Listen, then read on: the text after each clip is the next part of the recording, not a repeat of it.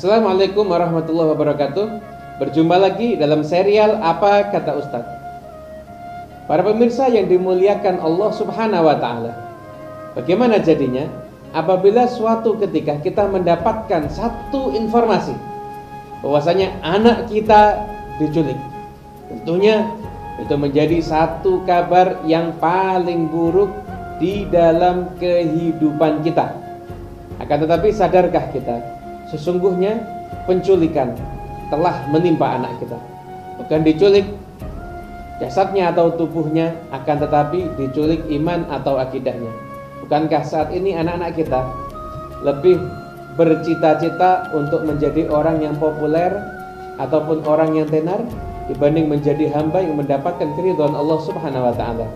Bukankah anak-anak kita saat ini lebih mengidolakan, lebih mengenal, bahkan mengetahui hingga tanggal lahirnya artis ataupun pemain sepak bola daripada mengidolakan atau mengenal Nabi besar Muhammad SAW beserta para pengikut Nabi.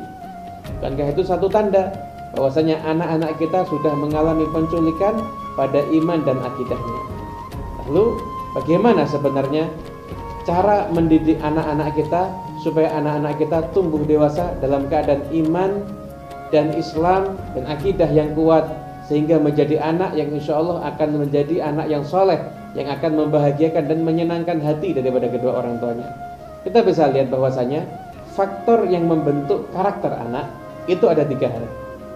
Yang pertama orang tuanya.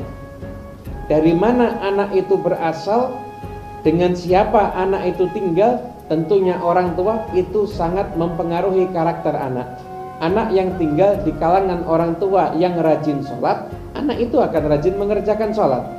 Anak yang tinggal di kalangan orang tua yang rajin beribadah ke masjid, anak itu akan rajin beribadah ke masjid. Kemudian, begitu juga sebaliknya, ketika anak tinggal di dalam kawasan orang tua yang tidak memperhatikan sholat, waliyadzubillah min anak itu pun juga tidak akan memperhatikan sholat.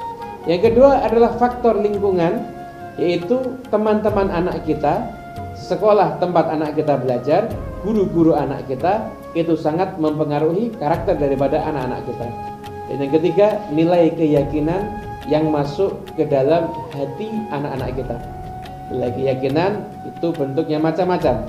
Bisa jadi anak menonton acara sinetron. Di sinetron diceritakan ada anak kecil yang pacaran, Ketika pacaran anak itu bahagia, kemudian ketika orang tuanya menentang, dianggap orang tuanya itu dolim. Tanpa sinetron itu mengajarkan macam-macam, nilai keyakinan masuk ke dalam hati anak. Bahwasanya pacaran itu menjadikan hidup bahagia dan juga apabila orang tua melarang pacaran, maka orang tua termasuk orang tua yang dolim. Dan inilah nilai keyakinan yang masuk ke dalam anak-anaknya kaum muslimin pada akhir-akhir ini. Kita menyaksikan bagaimana mereka dalam usia kecilnya sudah berani berpacaran, bahkan terang-terangan mereka mengupload foto dengan pasangannya, tidak ada rasa malu lagi di antara mereka. Para pemirsa yang dimuliakan Allah Subhanahu wa taala, tentunya kita harus mencari solusi atas krisis moral yang terjadi saat ini. Dan ada beberapa solusi. Yang pertama adalah pendidikan. Dalam hadis riwayat Imam Tabrani Rasulullah Shallallahu Alaihi Wasallam bersabda ma waratha walidun waladan khairan min adabin hasan. Tidaklah seorang tua memberikan warisan kepada anaknya yang lebih baik daripada warisan adabin hasan adab pendidikan sopan santun tata kerama yang baik. Jadi kita harus mendidik anak-anak kita kita harus mengarahkan jiwa dan akal mereka untuk menaati perintah Allah dan perintah Rasulnya kita harus mengarahkan batiniah mereka supaya mereka di dalam hatinya ada pengagungan terhadap Allah dan pengagungan terhadap Rasulullah Shallallahu Alaihi Wasallam. Dan yang kedua, solusi untuk mengatasi krisis moral yang terjadi pada anak-anak kita adalah dengan kita mendoakannya. Doakan anak kita siang dan malam. Ajarkan kepada anak kita untuk berdoa Doakan ke anak-anak kita supaya Allah jaga imannya Allah jaga Islamnya, Allah jaga akidahnya. Sehingga kita semuanya tentunya sebelum kita meninggal dunia, kita bisa dal meninggal dalam keadaan yakin bahwasanya anak-anak kita sepeninggal kita tidak mungkin berubah agamanya atau berubah akidahnya atau berubah ajarannya.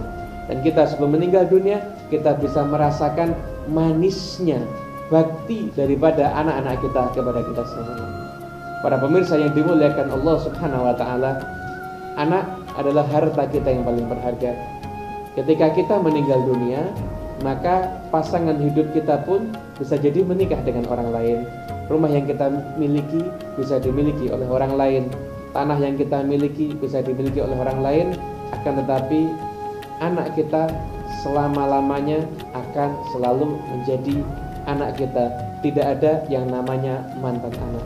Oleh karena itu, waspadai, hati-hati, selamatkan penculikan kepada anak-anak kita bukan hanya penculikan jasad atau tubuhnya tapi selamatkan juga penculikan iman penculikan akidah kepada anak-anak kita semua semoga kita semua selalu mendapatkan perlindungan Allah Subhanahu wa taala semoga Allah menjaga anak-anak kita memberikan kepada kita baktinya mereka dan melindungi mereka, memberkahi mereka semuanya hingga bisa menjadi anak-anak yang saleh dan salihah. Amin ya rabbal alamin. Wassalamualaikum warahmatullahi wabarakatuh.